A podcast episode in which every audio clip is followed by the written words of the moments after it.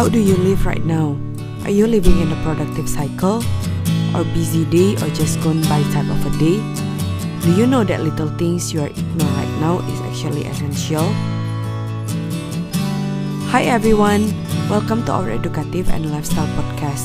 This podcast will talk about career, family, and lifestyle. Offer you an insight and dare you to change your perspective because in this podcast, every word counts. This is Little Ice Queen 22nd episode. Hello the Ashes, how are you all today? May the peace be with you all.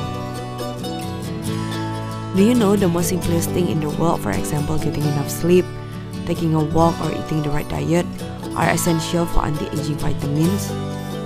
This episode will talk about the how and the why of it, so make sure to stay tuned, alright? But before that, I want you all to take the time to reflect what kind of life that we are living right now. If you are in that productive age between 25 to 35 years old, after listening to this podcast, will you invest in this kind of simple gesture for your older day later? If so, tell us why. If not, why not and what is your boundaries? Later, by the end of the episode, we'll talk about it and we'll try to discuss about it. Now, if you have done the reflection, without further ado, let's start our reading of the day. Anti-aging attitudes. The mind has tremendous power over the body and how quickly it ages. The most doctors agree that the secret is keeping the body young, is keeping the mind active, a key element of ikigai, and in not caving in when we face difficulties throughout our lives. One study conducted at Yeshiva University found out that the people who live the longest have two dispositional traits in common. First, a positive attitude and a high degree of emotional awareness. In other words, those who face challenges with a positive outlook and are able to manage their emotions are already well on their way towards longevity. Second, a stoic attitude. Serenity in the face of a setback can also help keep you young, as it lowers anxiety and stress levels and stabilizes behavior. This can be seen in the greater life expectancy of certain cultures with an unhurried, deliberate lifestyle. Many centenarians and supercentenarians have similar profiles. They have had full lives that were difficult at times, but they knew how to approach these challenges with a positive attitude and not be overwhelmed by the obstacles they faced.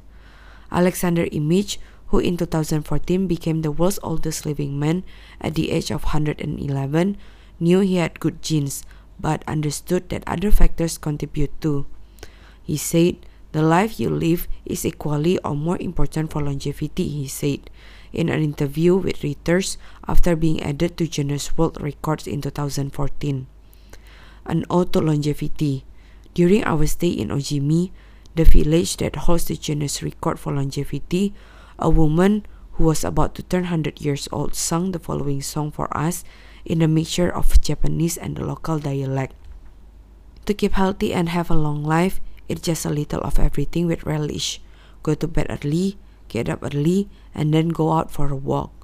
We live each day with serenity and we enjoy the journey. To keep healthy and have a long life, we get on well with all of our friends. Spring, summer, fall, winter, we happily enjoy all the seasons. The secret is to not get distracted by how old the fingers are, from the fingers to the head and back once again. If you keep moving with your fingers, working, 100 years will come to you. We can now use our fingers to turn the page to the next chapter, where we will look at the close relationship between longevity and discovering our life's mission. So, one simple question is how do we face our challenges every day? Do we have a positive outlook towards our problems? Or is it otherwise? Can we take a time again to reflect how do we solve a problem? How do we see a problems? Banyak sekali aku mendengar orang berkata, sebenarnya problem itu hanya kecil, tergantung dari sudut pandang mana kita melihat problem itu. Karena sebenarnya setiap problem itu selalu ada solusinya, kata salah satu influencer yang saya follow di Instagram. Pasti teman-teman tahu dong siapa dia. Dan itu sangat admirable banget dan menurut aku itu merupakan salah satu positive outlook yang harus kita tanamkan di dalam diri kita bahwa setiap masalah akan selalu ada jalan keluarnya. Bahkan sampai sekarang ketika saya memilih untuk bekerja sendiri, mengembangkan blog saya Little Ice Queen ini, pemahaman seperti ini sangat-sangat-sangat amat sangat membantu saya dalam melihat sebuah masalah yang sedang saya hadapi. So teman-teman, bagaimana teman-teman menghadapi setiap masalah yang ada? Kalau dulu sih saya panik, karena saya orangnya panikan, karena menurut saya being organized is everything. Tetapi ketika saya tidak lagi melihat struktur yang rapi itu, saya menjadi marah dan saya menjadi kesal. Sampai suatu hari, panik attack saya sendiri itu kena dan lebih parah. Dan dari sanalah saya belajar, belajar lebih untuk bagaimana melihat problems yang ada di dalam kehidupan saya bukan bukan sesuatu yang besar, melainkan sesuatu yang kecil dan pasti ada jalan keluarnya. Mungkin hasilnya tidak sesuai dengan ekspektasi, and that's all right. Karena solusi apa pun inilah kehidupan yang dipenuhi dengan ketidakpastian dan apa pun jawabannya pasti itu yang terbaik. Oke, cukup sekian podcast hari ini. Semoga dengan percampuran bahasa Indonesia dan bahasa Inggris ini membantu teman-teman mana yang lebih gampang untuk teman-teman cerna. Ini melalui bahasa Indonesia kah atau bahasa Inggris. Tetapi bukunya bahasa Inggris ya teman-teman karena uh, saya membacanya lebih nyaman di dalam bahasa Inggris.